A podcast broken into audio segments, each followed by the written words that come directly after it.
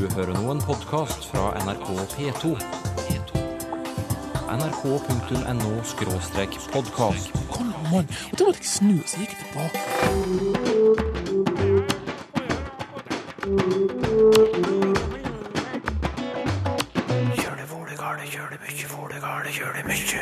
Altså, Jeg ønsker at det blir noen blaute konsonanter på veggene. Hun kjemper for de bløte konsonantene på Sørlandet, men ungdommen er ikke like begeistra. syns at det er litt harry. Og heter det glisgrendt eller grisgrendt? Eller kanskje begge deler, spør lytter. Glesbygden, det er åpe rom mellom bosetnad. Med andre ord helt parallelt til grisgrendt. Vel møtt til Språkteigen.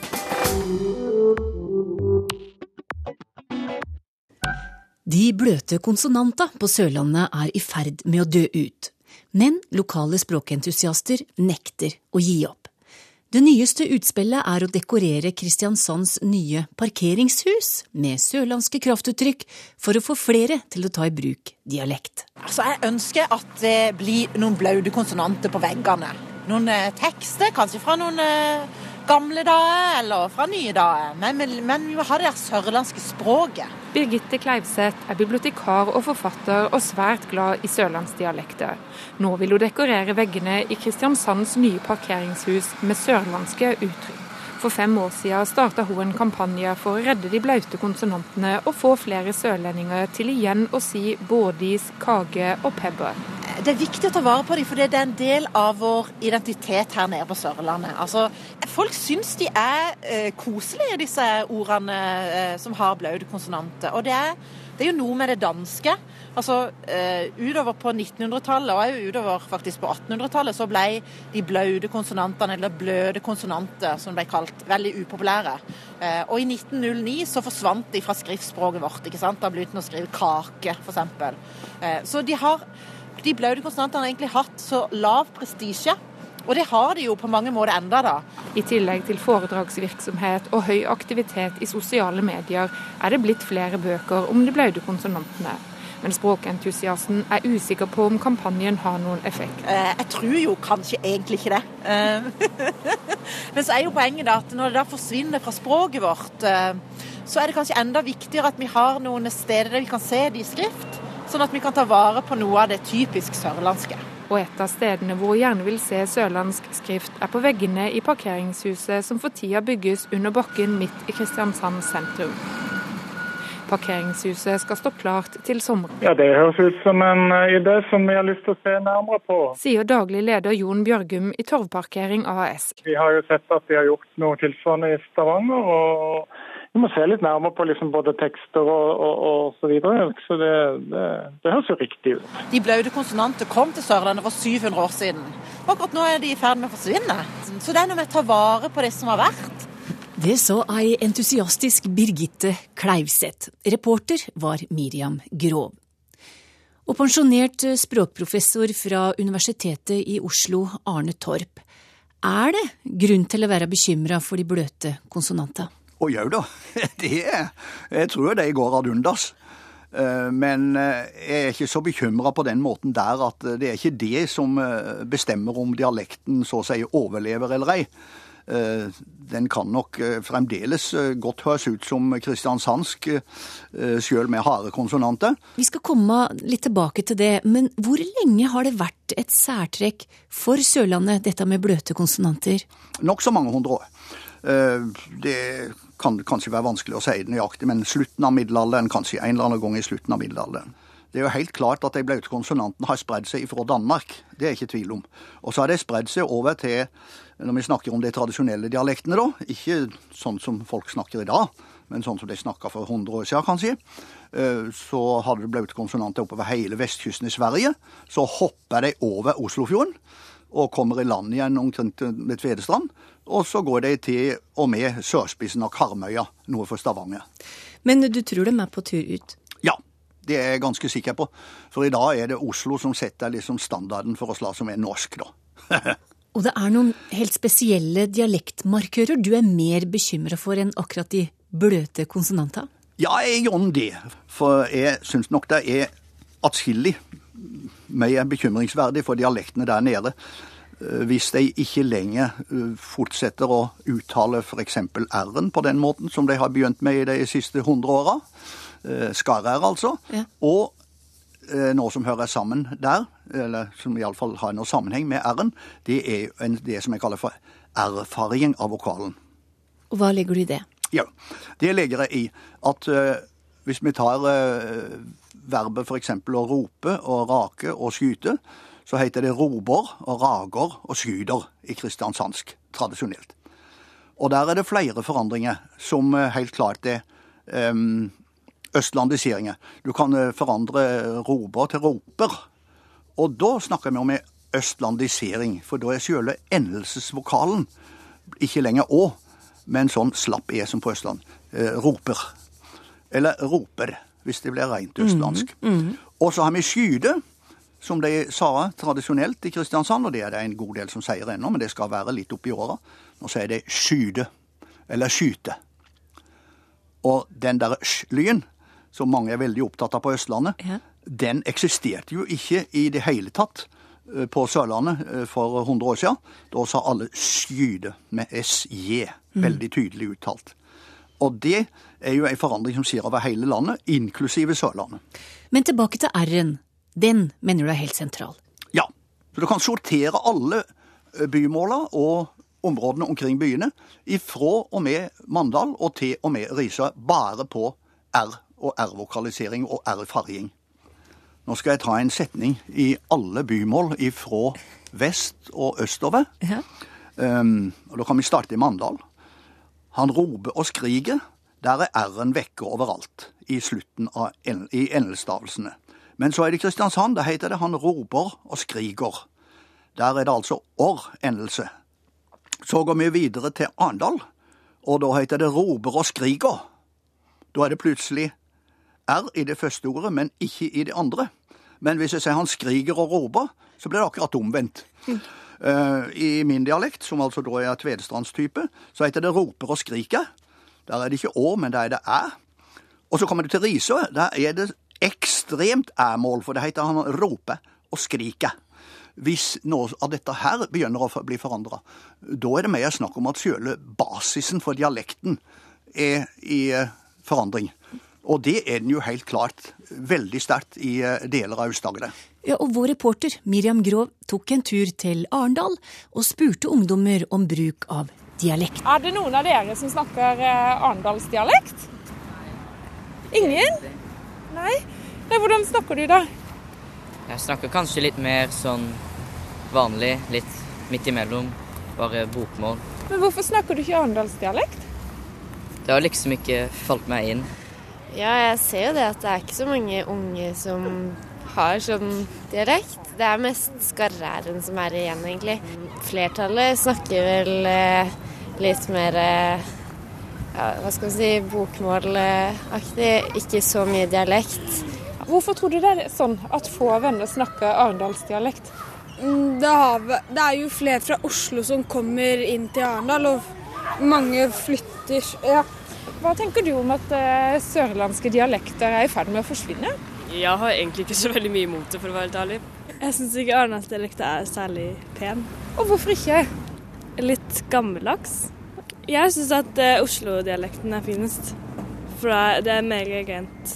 Um, Jeg har aldri egentlig vært noe veldig begeistra for sørlandsdialekter, egentlig. Og, og hvorfor ikke?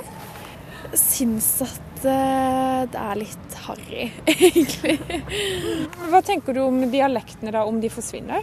Det er jo synd. Det er jo på en måte en del av kulturen til Norge. Det er jo en tradisjon, da. Så det er ganske dumt. Men du har heller ikke noe typisk arendalsdialekt. Uh, nei, jeg ble født der, men uh, foreldrene mine kommer opp fra Finnmark og Trondheim, og da Og veldig få venner snakker det. Ja, Er det sånn du kunne tenke deg å prøve å snakke litt mer dialekt sjøl for å motvirke det? Jeg kunne ha prøvd, men ja, det skal jo Det er jo vanskelig å lære seg det. Uh, jeg vet egentlig ikke. Kanskje nei, nei, kanskje ikke. Jeg vet ikke. Nja, ikke helt sikker på om det er så fristende å prate dialekt, altså. Arne Torp, det var ikke så lett å høre at disse kommer fra Arendal. Det går ikke an i det hele tatt, tror jeg. Eh, På de fleste av disse her som vi hørte nå. Det var jo noen som hadde bitte lite grann skarre-r, da, men hva er det for noe? Du kan du jo ha med talefeil i Oslo òg. så eh, nei da, så dette hørtes veldig Oslo-prega ut. I alle fall så er det tydelig at sørlandsk har ikke noen status sjøl i Arendal hos de unge. Eh, Og det var helt annerledes da jeg vokste opp. Da snakka alle i Arendal arendalsmål ganske uforfalska og uten å sjenere seg, for det hadde alle sagt, ja. Blir du bekymra? Ja, jeg kan godt bli bekymra på arendalsmålets vegne, det må jeg virkelig si. Det blir Oslo-mål. Og det er rett og slett fordi at Oslo-målet er rett og slett eh, lingua franca, som det heter. Det er den fellesspråket som eh, dominerer i Norge. Vi har ikke offisielt noe rikstalemål i Norge. Men i praksis så er det jo selvfølgelig en eller annen form for eh, østlandsk, nærmere bestemt Oslo-mål det dreier seg om. Og det ser en spreier seg kolossalt på Østlandet, i dialektområder som Hallingdal, Valdres, som har veldig særmerte og eh, noen ville si prestisjetunge dialekter òg. Valdresmålet ble utropt til Norges fineste dialekt for noen år siden, men det hjelper ingenting, eller det hjelper iallfall lite. For de snakker bymål, som de sier, i Valdres òg, de unge. Men tror du dette her vil spre seg eh, nedover Sørlandet fra, fra Arendal, da? Ja, det er jo det som blir spennende å se. For eh, hvis det er sånn som jeg tror det kan se ut, ut ifra det en ser og hvilke områder det er som er mest prega av dette her, så kan det kanskje komme til å møte en slags mur når de, når de møter det der kristiansandske eller vestnorske tonefallet.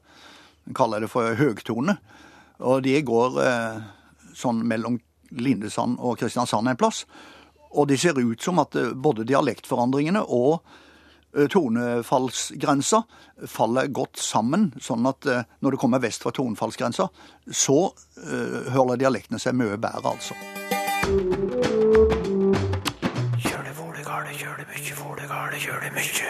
Før jeg slipper deg av gårde, Arne Torp, så skal vi ta opp igjen tråden litt fra forrige uke, da vi pratet om Wilhelm Krag og hans lansering av Sørlandet og sørlending som begreper i 1902. Tidligere så kalte en det som nå ble kalt Sørlandet for Vestlandet. Det hørte til Vestlandet. Vestlandet møtte Østlandet da der som grensa går mellom Aust-Agder og Telemark fylke i dag. Hva der er nokså påfallende, er at mens folk i alle landets øvrige deler har fått sitt navn, mangler denne landsdel ganske en sådan betegnelse. Vi hørte navneforsker Inge Særheim og kollega Knut Knutsen Eigeland, som leste fra oppropet til Wilhelm Krag. Og etter dette så kom du med en betraktning på dette med sør og syd, og at Krag kanskje aller helst ville ha døpt landsdelen noe annet enn Sørlandet? Ja, jeg vil jo si at han har hatt rimelig god suksess med dette her navnet på påfunnet sitt. Men eh, grunnen til at han altså da kalte det Sørlandet, tror jeg nok er det at det drar jo med seg et innbyggernavn som ikke eksisterte før, nemlig sørlending. For han kunne ikke ta det innbyggernavnet som han kanskje hadde helst vilt ha, ut ifra at han sa nok syd. Men det heter altså da Sørlandet. For du kan ikke kalle en fra Sørlandet for en sydlending, for det ordet var opptatt ifra før. For da måtte vi enda lenger sør, da? Ja, det er veldig mye lenger sør. Ja. Da er vi helt sør i Europa, da. Eventuelt i Nord-Afrika. Eh, en gammel folkevise. Der står det om Bendik rid åt Sørlondo. Han rir til Sørlanda, altså flertallsforma av Sørland. Ja. Og Sørlanda i gammel tid, det var landa i sør, altså søreuropeiske land, eller kanskje til og med nordafrikanske. Det som vi da vil definere som Syden, da? Akkurat. Det heter Syden, nemlig. Ja. Og Syden er jo et godt tysk ord, som eh, vi har i mange sammensetninger òg. Syd fikk vi eh, med den store danske pakka. For eh, i dansk har det da offisielt hett Syd i mange hundre år, og det har de i svensk òg. På gammelnorsk heter det Suder, og det har utvikla seg til sør, ja. Og Sørlandet kom da nesten litt påtvunget for Wilhelm Krag. For hvis ikke vi hadde hatt denne her forbaskede sydlendingen eh, fra før, der det betyr noe annet, så tror jeg nok han ville valgt å kalle det for Sydlandet. Det tror jeg. Det sa pensjonert språkprofessor fra Universitetet i Oslo, Arne Torp. Hvem kan sies å være berørt, er første lytterspørsmål som går til Sylfest Lomheim i dag. Det er Rolf Øvrum som har merket seg at det i nyheten rapporteres om at både kongefamilie og statsminister er svært berørt i alvorlige saker. Er det ikke mer riktig å si at de er rørt eller bevega, spør han. Og Rolf Øvrum har heilt rett. Fordi slik som han eh, har skrevet om døma med kongefamilien eller statsministeren som blir berørt, så er det heilt tydelig at dette ikke er berørt i den tyinga som jo er den normale, nemlig at dette angår dei. Så det verbet som skulle ha vært brukt her, er de ble beveget. Altså, vi hører jo at noen kan bli bevega til tårer, ikke sant? Mm. Og du kan til og med bli bevega i retning av det motsatte og bli så glad, begeistra. Så vi må ikke blande sammen de to verba å berøre og å bevege. Fordi berøre på bokmål, det har tre bruksmåter. Enten, som i dette tilfellet, det angår noen, eller eh, de berørte her, eh, det kan bety å omtalt, de omtalte, og også å berøre noen kan jo rett og slett fysisk og konkret tyde å ta på. Så å berøre har tre bruksmåter å angå, å omtale og å ta på. Medan bevega, det, det betyr enten å, å få noen til å ta til tårene, altså å bli trist, eller også å bli begeistra, eller rett og slett å flytte. Du beveger deg fra punkt A til punkt B, da flytter du deg. Og så har vi jo det nynorske, typiske nynorske verbet som betyr å røre. Og det, det har i seg både litt av berøra og litt av bevega. For vi kan jo si at han vart rørt til tårer. Da er det altså bevega. Men, men jeg rørte på han. Det kan bety å ta på, altså å berøre. Så da har vi et, en trekant, Torunn, omtrent. Og disse tre betyr delvis det samme, de har nokre kontaktflater sams, og så har de andre bruksområder som er ulike. Så dette er ikke komplisert, men det er slik språket det glir litt inn i hverandre. Heter det grisgrendt eller glissgrendt, eller heter det begge deler, spør Katrine Seim Holten. Ja, det burde egentlig kunne sies begge deler i norsk, og begge deler ville da være forståelig. Men eh, det vanlige i norsk er jo grisgrendt. Og gris, grisgrendt Grend er jo busetnad der det står hus. Mhm. Og alle veit at hvis det er grisgrendt, så er ikke det så veldig mange hus å sjå. Nei. Og det er jo fordi at gris ikke har noe med husdyret gris å gjøre, men det har med et ord gris og grese. På vestnorsk eh, kan jeg si at ja, det er grese der, eh, langt mellom tre i. Og grese betyr langt mellom, eller at det er åpe rom mellom.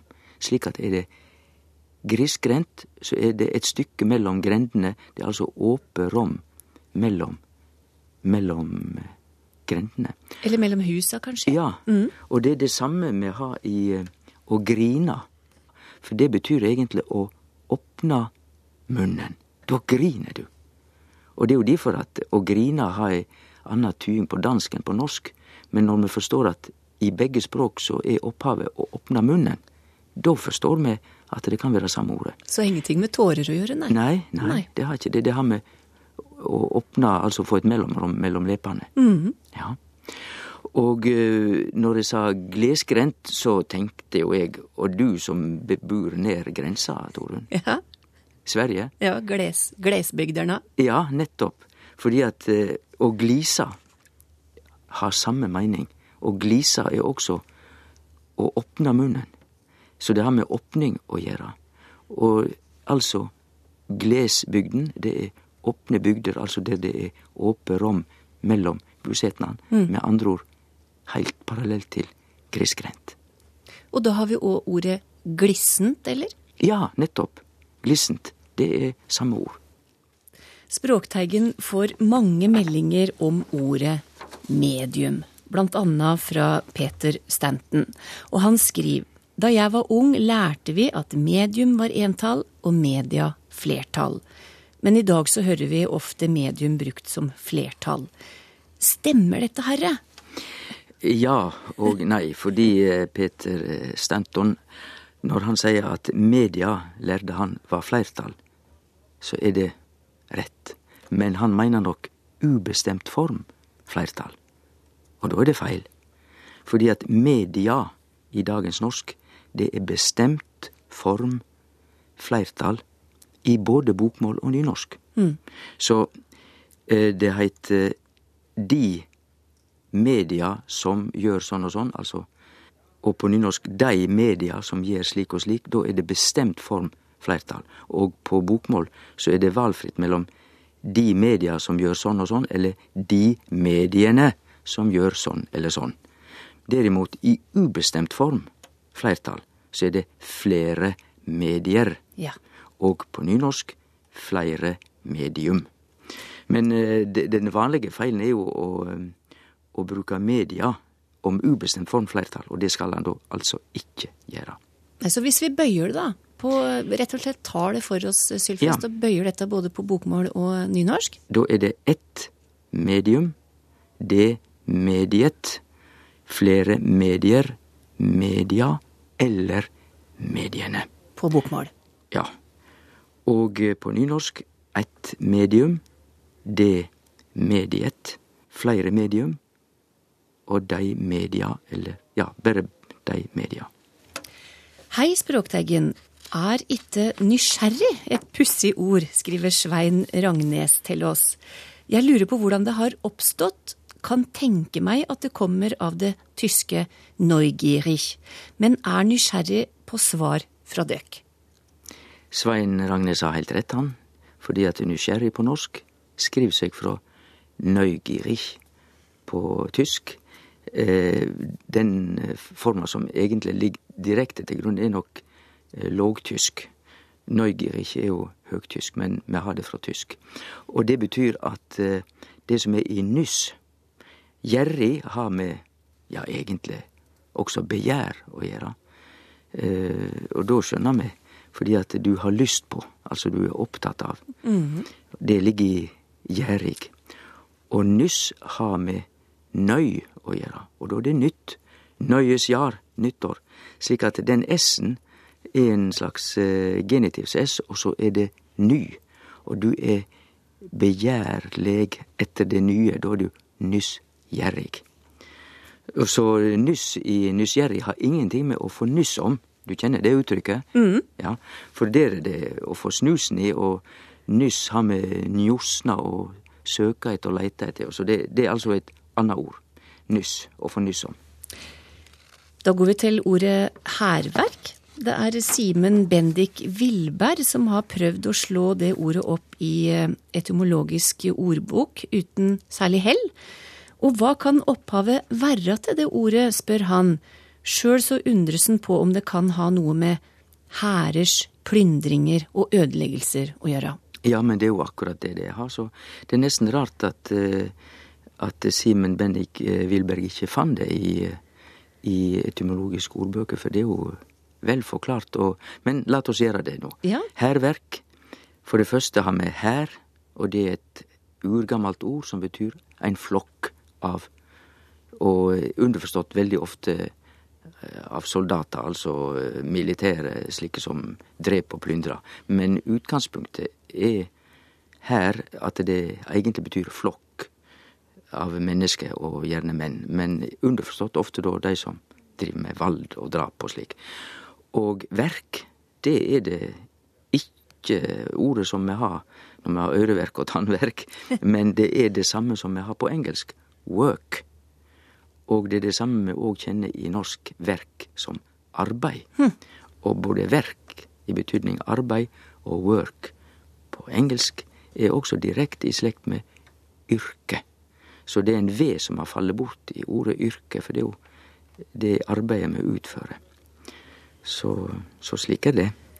Thomas i Oslo skriver få ting er vel mer norsk enn ei kai, tenker vi. Og kanskje det, for det skulle ikke store plassen til i Norge før de skaffa seg ei kai.